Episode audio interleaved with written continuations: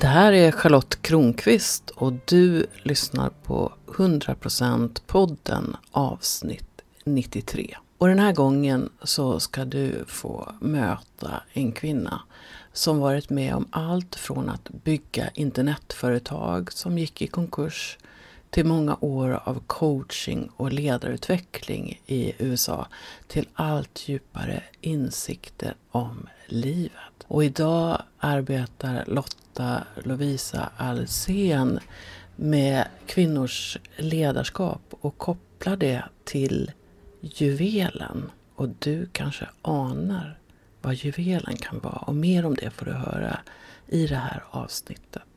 Lotta Lovisa Alsen och jag möttes för det här samtalet i januari i år. Och sen behövde hon tid. Hinna ikapp sig själv. Så nu i augusti är det dags för dig att få lyssna till vad vi pratade om för drygt ett halvår sedan. Jag sitter på Ståltrådsvägen med Lotta Lovisa Alsen och du jobbar med kvinnligt ledarskap. Välkommen hit! Tack! Hur kom det sig att du vill jobba med kvinnligt ledarskap? Det jag gör eh, är ju att koppla ihop kvinnligt ledarskap med eh, kvinnlig sexualitet och existentiella frågor. Och det är eh, något jag har insett under alla år som jag jobbat med kvinnor och ledarutveckling. Att det är på något sätt den, den saknade länken. Det som gör att vi blir mer hela, blir mer kraftfulla och eh, blir mer sanna. Och det är en, det är en eh, något eh, udda väg kanske att komma dit men egentligen är den extremt logisk. När man ser mycket hur inte minst att vi lever så bortkopplade från kroppen. De flesta lever bara från huvudet. Men det är också ett väldigt maskulint sätt i regel med, eller man kan kalla det också vänster hjärnhalva. Men där är man inte i kontakt med vad jag kallar juvelen så är det väldigt svårt att vara i sitt fullaste jag. Och juvelen, är det vårt kön? Det är precis, det är vad jag kallar vårt kön. Jag har hittat en, en egen benämning på det som, som eh, ja, Vackert! Det gör mig glad och, och det, känns, eh, det känns så rätt. Så vad är det för kvinnor som kommer till dig? Vad är det de söker? Det, hittills har det varit mycket kvinnor från näringslivet, offentlig sektor, forskning, akademi, entreprenörer, yogalärare. Men, men alla som har kommit har egentligen ganska mycket av det man brukar beteckna som det maskulina. Väldigt mycket driv, väldigt mycket prestation och väldigt duktiga på att prestera också. Men som har också insett att det är något som saknas. Och de längtar efter någonting annat. Och, och det man kan säga också att ett liv mer i kontakt med juvelen är ett liv mer i kontakt med lusten. Istället för om man pratar om lust istället för prestation. Och det är en otroligt svår väg att gå. Och jag som är helt uppväxt och levt större delen av mitt liv i väldigt hög prestationsambition. Eh, så det, det är ett diametralt motsatt sätt att leva och verka. Och inte minst att leda. Säger du att, att, liksom, att tidigare så drivkraften var jag ska prestera så bra som möjligt och nu är det mer vad har jag lust att prestera? Ja, och det, och det, Eller göra. Precis, och då, blir, då försvinner ju ofta, för prestera är ju någonstans en, en extern definition. Nästan alltså prestation utifrån vad och eh, mätt enligt vilka måttstockar. Säg att man är en sån här högpresterare då och så säger du så här, utgå från lusten. Blir det inte så kortslutning i hjärnan då? Alltså hur, hur, hur, hur vrider man om till lusten? Det är, det är ju den, det är en väg, eller jag skulle säga för mig, för min del har det en ganska lång väg att vandra. Men, men man kan ju också säga att det, det handlar om att gå en annan väg, att inte gå ut, att vända sig utifrån vad vad man vill få utifrån utan vad är det som kommer inifrån. Så, den, så jag brukar prata om det är juicy, eh, det är empowered and inner directed. Och det är just det här att det kommer inifrån. Och, och då blir det mycket mer sant. Och man kan till och med prata om, om det som att det vi verkligen har någon form av kärlek är ett starkt ord, men, men alltså, att vi, alltså det kommer från hjärtat det kom, och det kommer från juvelen. Det, kom, det kommer från ett djupare ställe än att vi ska göra något för att det ser bra ut på CV eller att vi, vi gör det här för att få någonting annat. Och sen, sen ska man ju också tillägga, vi lever i en värld där vi behöver betala våra räkningar och där de flesta av oss är extremt utifrån styrda.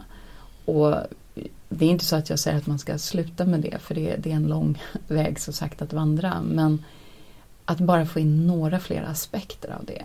Lite mer lust kanske i, i ett av tio beslut. Eller kan man göra det fem minuter per dag. Så att det är lite mer lust och så kan man leva över det i prestation. Alltså så att, så att inte sätta några övermänskliga förväntningar. Det är ett annat sätt att förhålla sig till livet så som jag ser det så, så föds vi ju in i någonting och vi får en programmering kan man säga. Som lär oss att bli utifrån styrda, att vi lär oss att vi ska få uppskattning av andra och, och, och sådana saker. Det kanske är så för många att de inte ens vet var lusten finns, vad de själva, för, själva vill, att livsvalen är någonting för att eh, man tror att mamma eller pappa vill det så att säga. Är inte också det en del utav den här Eh, Eh, förändringen, att man börjar se, eh, lyssna på vad finns det för längtan i mig? Absolut, och det här gäller ju inte bara kvinnor, det här gäller ju män också. Det här är ju en, det är en allmänmänsklig och, och vi lever ju som sagt i en kultur där vi alla programmeras till att vara utifrån styrda. Och det, jag jobbar ju med män också som, som längtar efter det här. Och, och då kanske vi inte har fokus just på alltså koppla ihop det med könet på det sättet. Men, men att koppla ihop det med hjärtat och kunna känna att leva mer sant.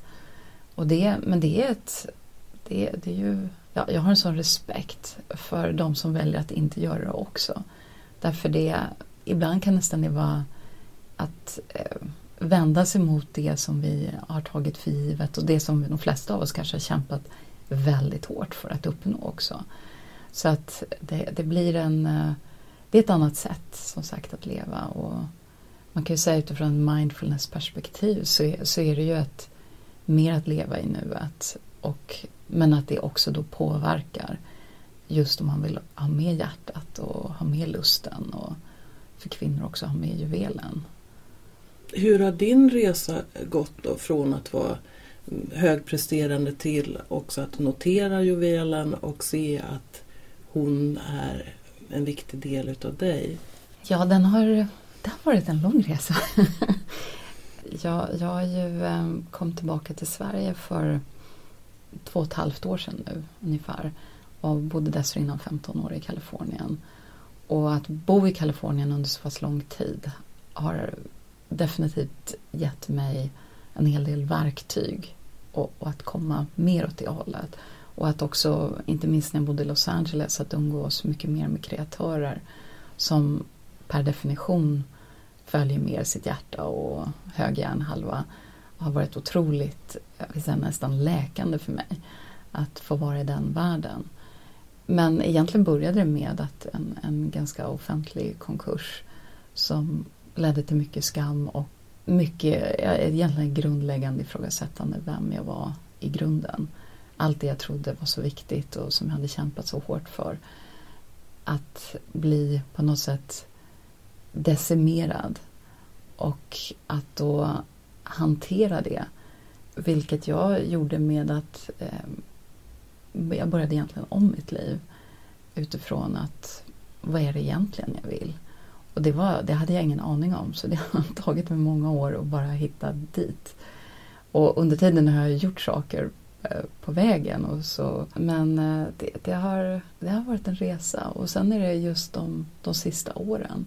Nu när jag har kommit, eller snarast eh, faktiskt ganska tidigt under Kalifornien-tiden så kom jag i kontakt med juvelen och var via yogan och upptäckte min sexualitet. Och, upptäckte vilken enorm kraft jag frigjorde när jag var mer i kontakt med den. Men det var väldigt kan man säga, omedvetet på den tiden. Men nu ser jag det mer som, det är en kontakt med livsenergin och skapande energin. Och den är en, en outsinlig kraftkälla. Så idag sker det på ett annat sätt. Och sen så är det mer och mer att leva ett liv i bus egentligen än i prestation för det är så mycket roligare. Säg att du ska fatta ett viktigt beslut. Är juvelen med där och hur märker du om det finns ett ja?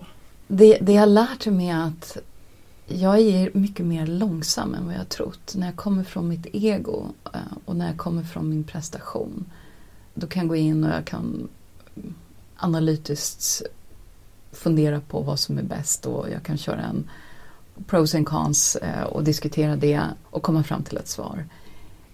Men när jag ska följa, om vi säger juvelen och, och, och hjärtat, så är det en mycket mer långsam process.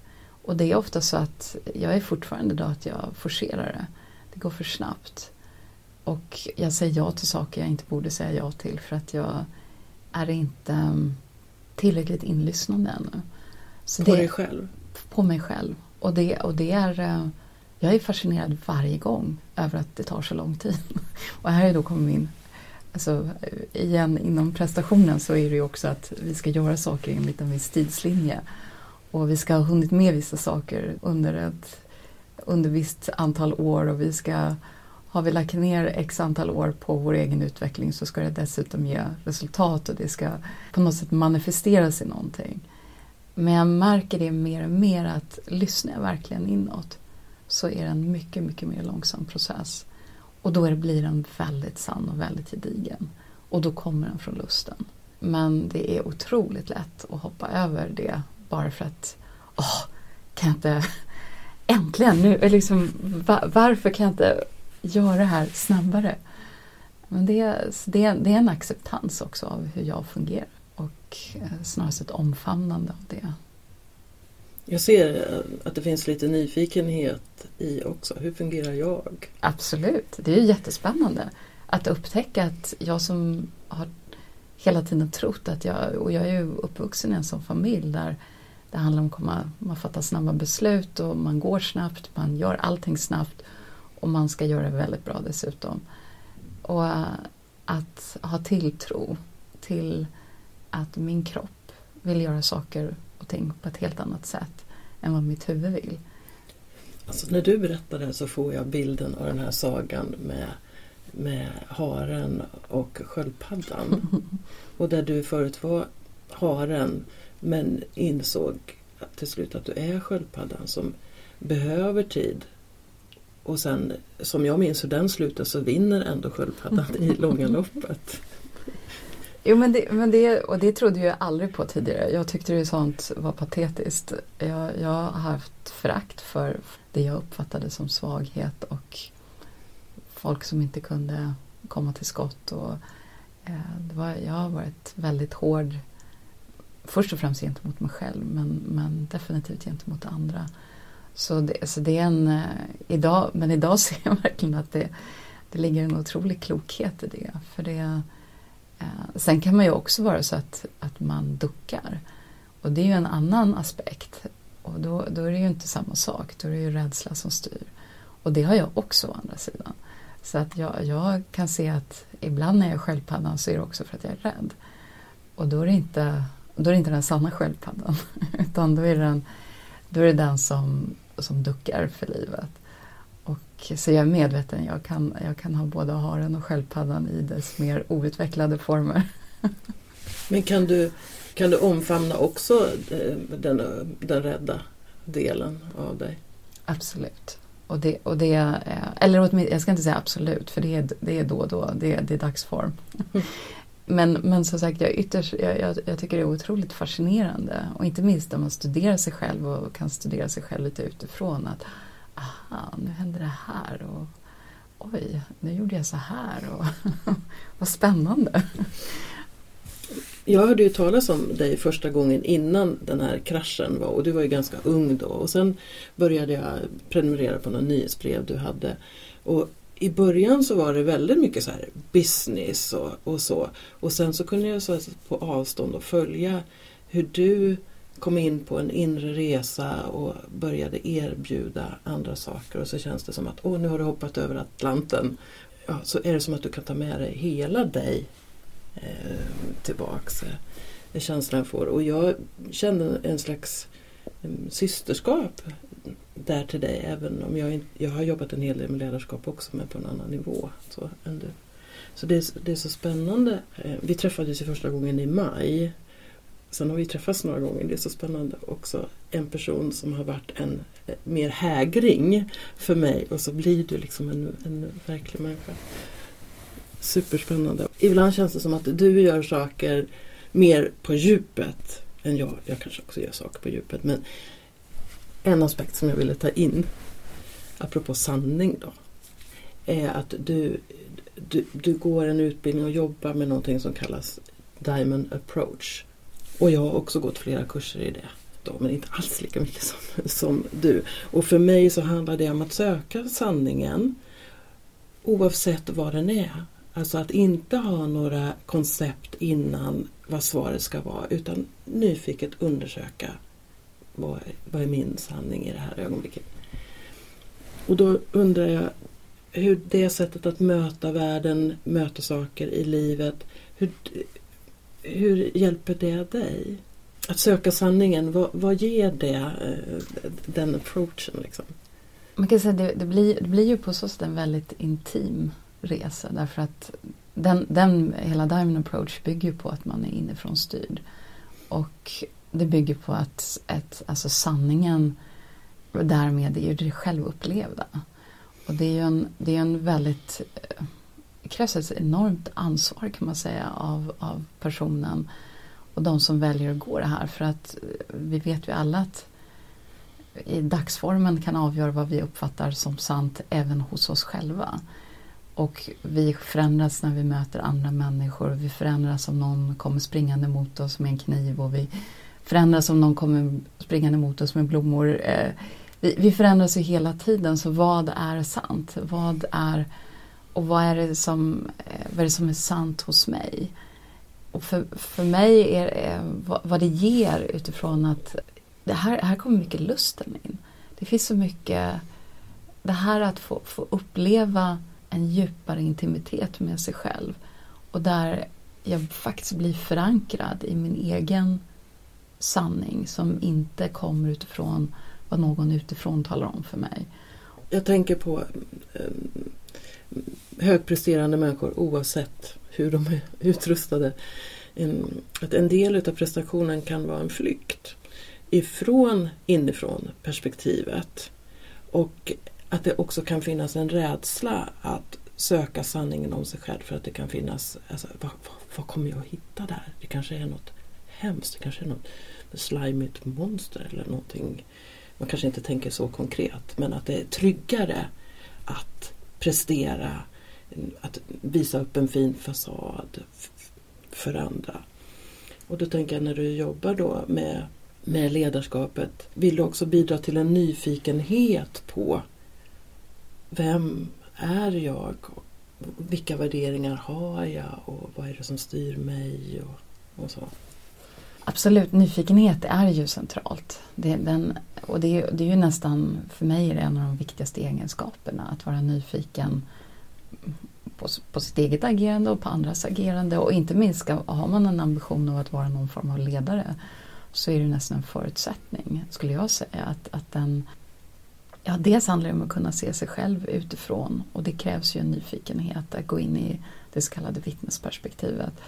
Men också att kunna se andra både utifrån sina, att man till och med kan vara medvetna. nu har jag på mig de här glasögonen, nu, nu är jag arg på dem och då dömer jag dem på ett visst sätt. Ta ett steg tillbaka kan jag se att bortom mina projektioner på den här personen, hur upplever jag dem då? Och, och då blir det oftast ett helt annat sätt vi kan möta någon på också.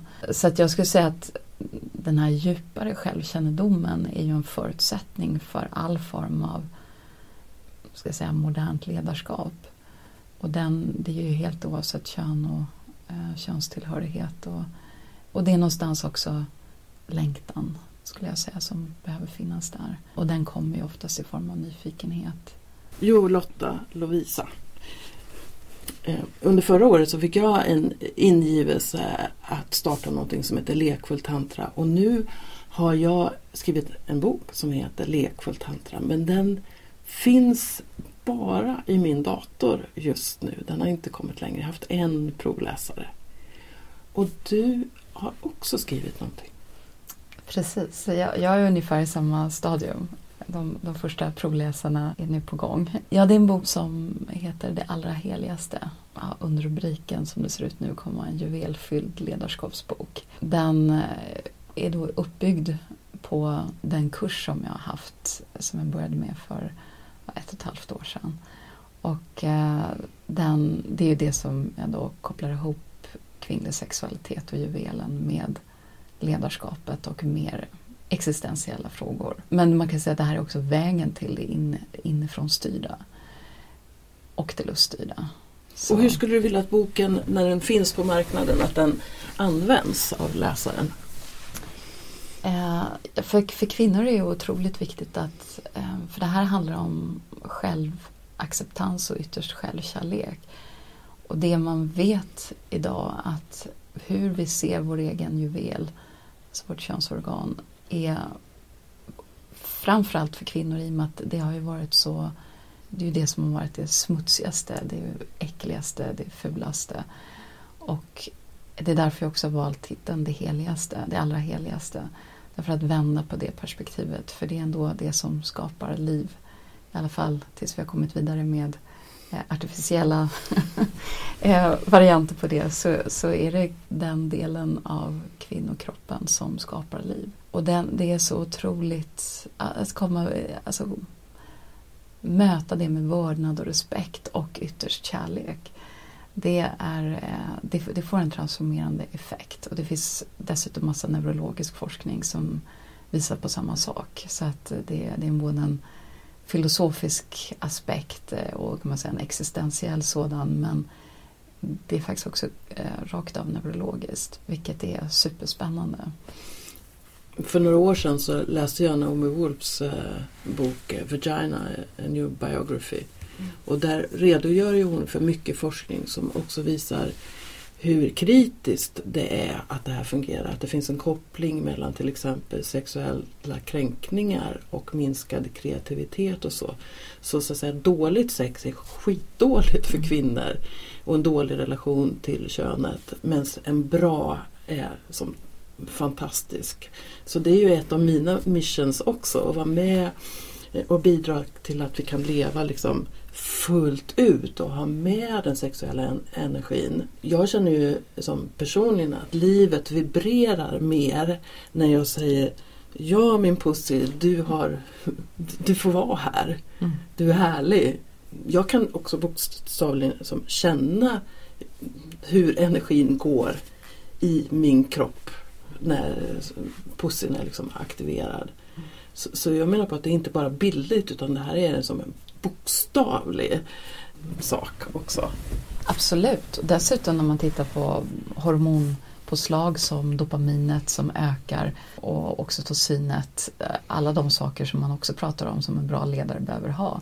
Så det, det, är en otroligt stark koppling och den, den är mycket starkare än vad vi tidigare har förstått. Så Naomi Wolfs bok är ju enastående vad hon har tagit fram där, den forskningen. Men det är idag vidimeras från många olika håll. Jag tänker att det här kan också vara väldigt intressant att läsa för män för att få ökade insikter om det här. Men handlar det också då rent bokstavligt att acceptera sin juvel, titta på den eh, och så. Alltså finns det den fysiska aspekten som du tar in? Ja, den ingår. Det, det blir ett, nästan en förutsättning för annars det är så lätt att göra det här till en huvudgrej igen. Och så kan vi bli lite smarta och intellektuella och kan prata om det och så kan vi läsa böcker och så. Men gör vi inte själva jobbet att vi behöver faktiskt ta fram spegeln och vi behöver röra vid juvelen och vi behöver lära oss eh, hur vi kan smeka henne och även ta oss själva till orgasm. Alltså det är ju väldigt mycket självnjutning som jag förespråkar. Men i det så är det ytterst självrespekt och självkärlek som då, precis det som du säger Naomi Wolf tar upp, att det förändrar självbilden. Och det är därför det blir så starkt. För när det kommer från könet så, så förändrar det hela vår, det förändrar vår existens. Jag tror om en 10-15 år kommer det här vara helt intaget även i de mest eh, torra eh, ledarskapsutbildningar. För man kommer inte kunna ta bort den, den koppling idag vi ser till kroppen.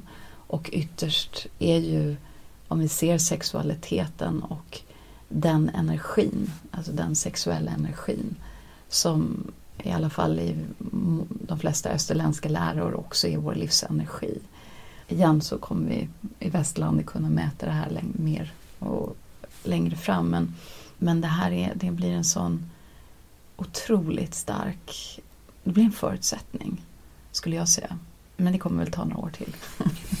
jag tycker att det är fascinerande eh, dels att de här gammalmodiga, alltså sen Augustinus och ännu tidigare idéerna om eh, kvinnans sexualitet, att det lever så starkt eh, kvar. Jag tror att det, det, det faktiskt är en rädsla för styrkan hos oss som är en av grunderna i det här att man har velat pressa tillbaks kvinnor.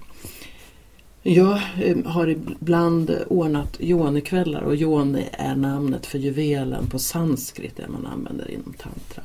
Och då har jag haft en liten grupp kvinnor och de har fått tala om sin relation till sin yoni. Positivt, eh, kränkningar, precis vad de har velat och så har alla kvinnor lyssnat och alla kan känna igen sig i varandra. Och sen har det funnits en möjlighet att visa sin yoni. Man sitter liksom i en tron och visar sin yoni. Och man kan välja att inte göra det också. Men då har jag varit med om att kvinnor som har kommit, somliga, aldrig har tittat på sin yoni. Och så gör de det och så säger de andra kvinnorna vackra ord. Åh vad fin hon är och titta lite rosa där och titta, ja så. Och, och det är ingen beröring så utan det är bara alltså, som en slags worship eh, och så. Och jag har fått feedback att eh, det har förändrat Eh, kvinnors liv. Det är en kväll tre timmar.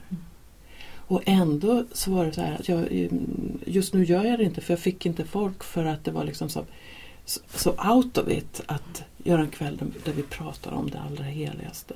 Jag tycker det är fascinerande att eh, 2018 kan vara kontroversiellt med det som är livets uppkomst. Mm.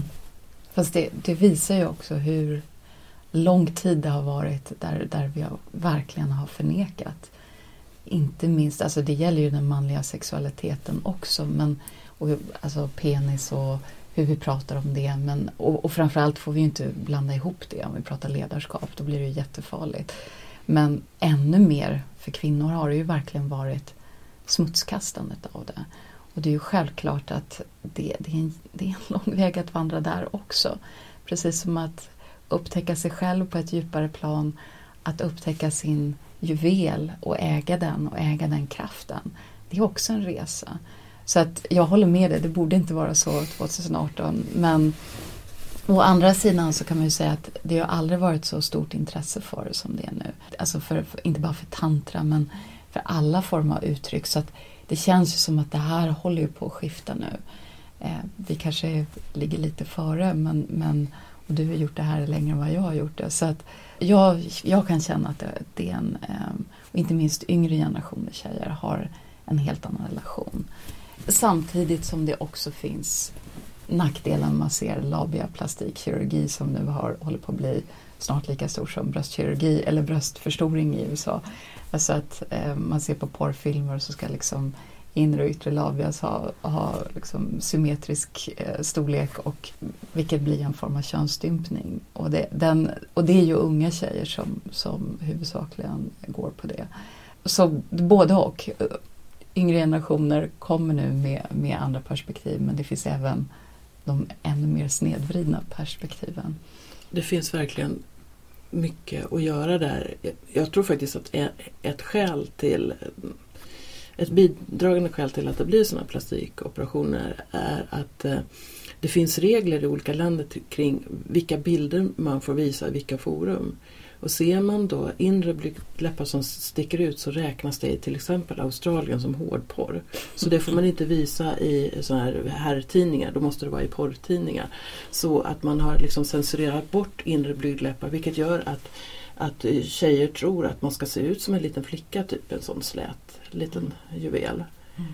Så, så jag tänker att det skulle vara bra för många kvinnor faktiskt att se, titta på bilder av juveler och se att de ser olika ut. Tips! Kudushka, kolla! Det finns en bok som heter Kudushka, där kan ni se olika, hur olika vi kan se ut.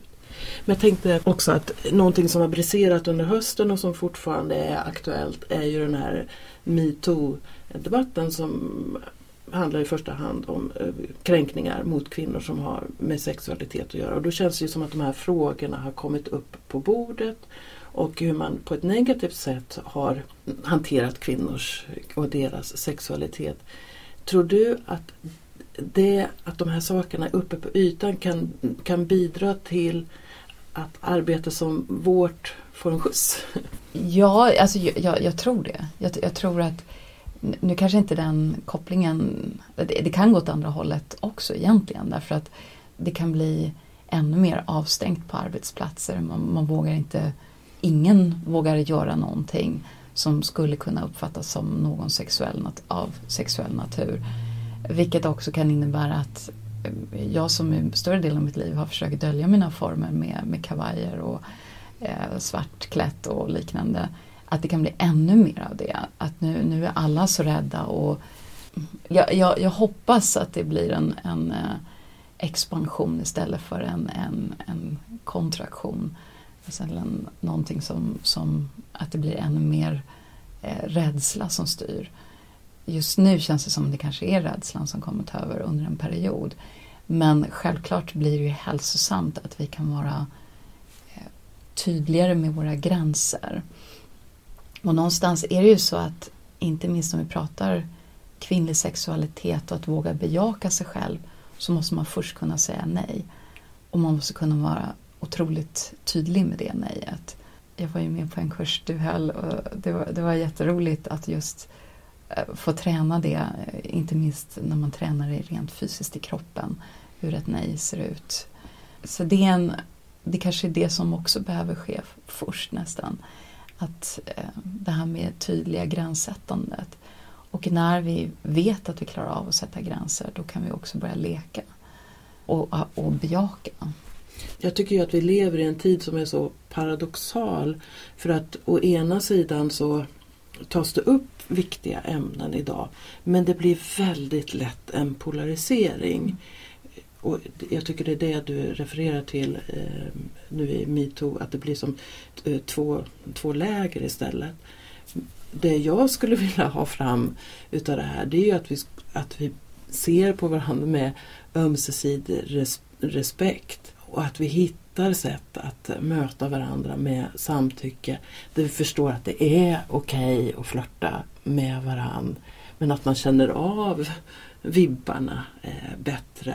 Eh, att man kan i mötena känna sig själv men också, om man har tränat upp den här förmågan, också känna in den andra eh, lite mer.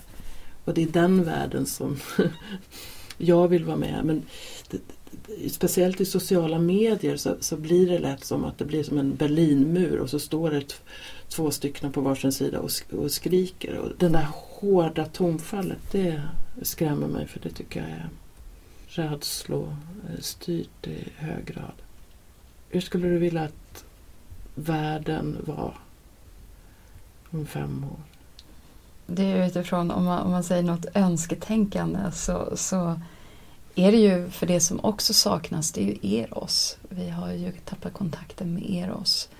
Det återigen det vackra, det sensuella och, och det är även hur vi bygger städer. Hur vi, jag menar också nu när vi tittar på designa AI här. Alltså vad, vad finns Eros i AI? Så skulle jag vilja eh, få in som en diskussionselement. Men alltså någonstans, för det är också det som, det som gör att man kommer in i ett hem och man känner att, att det finns liv där och att det finns ett bejakande av livet. Och det må vara med blommor eller att det luktar gott eller att det finns, eh, att det är vackert, att det är vackert inrett.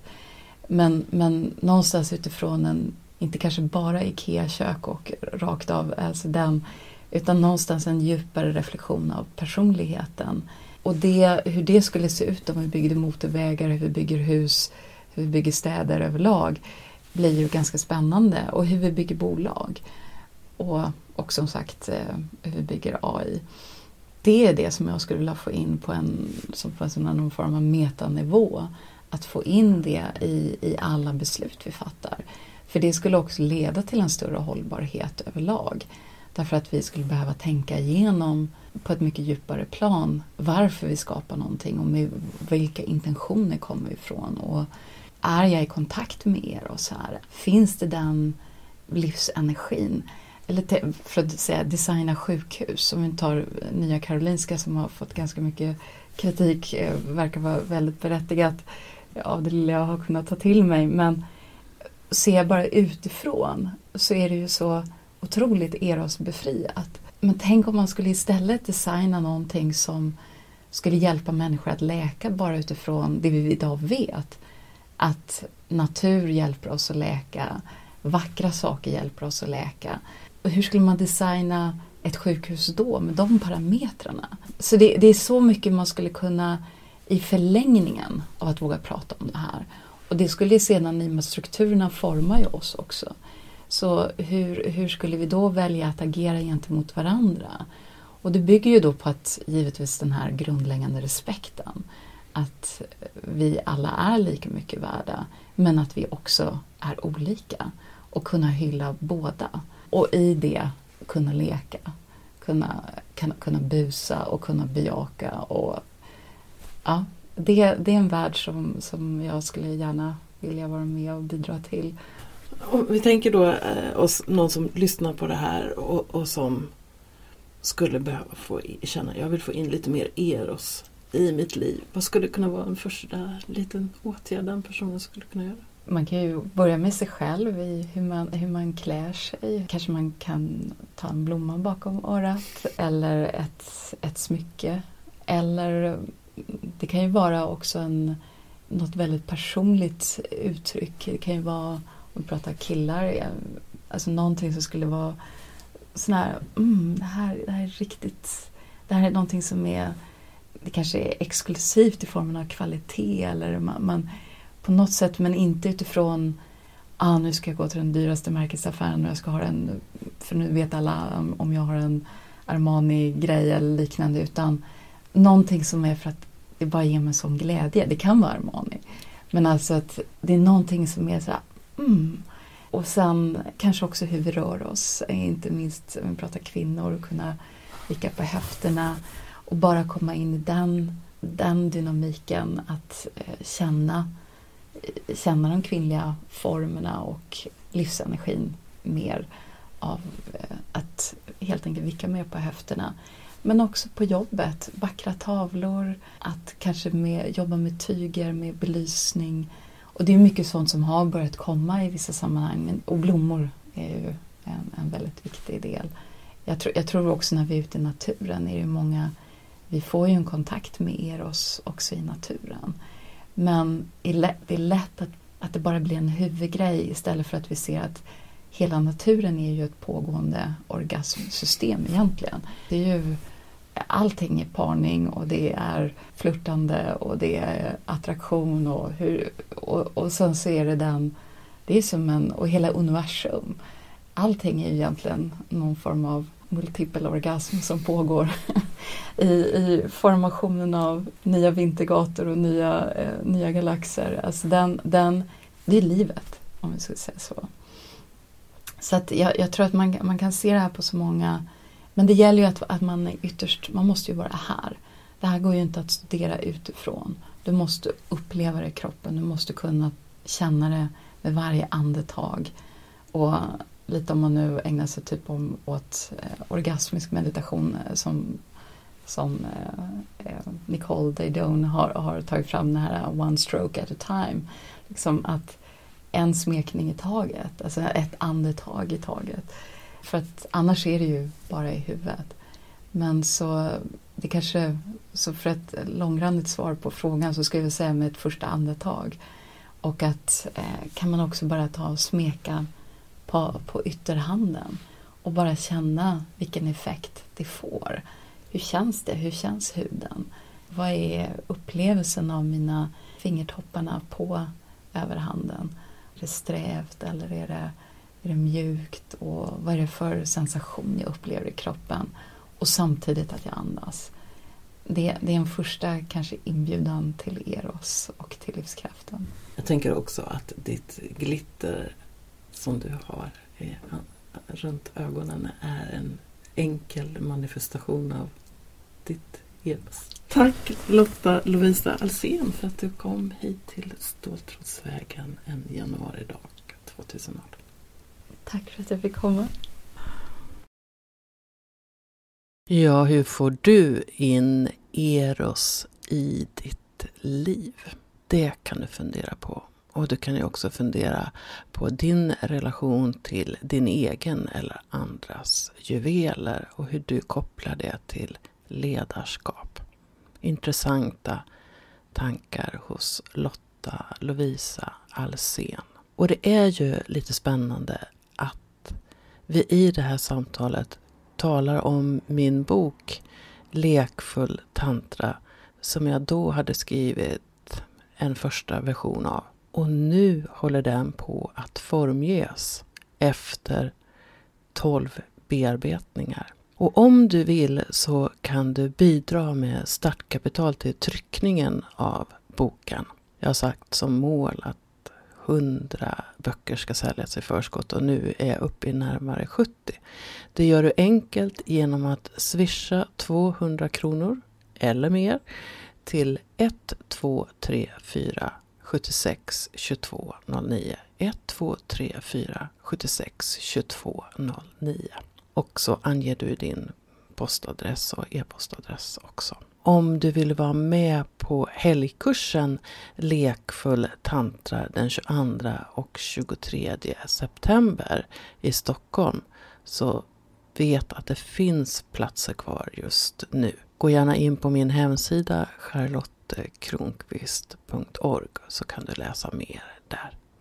Eller så bara googlar du på mitt namn och Lekfull tantra. Och tack för att du lyssnar på 100% podden Sprid gärna avsnitten och berätta att du lyssnar.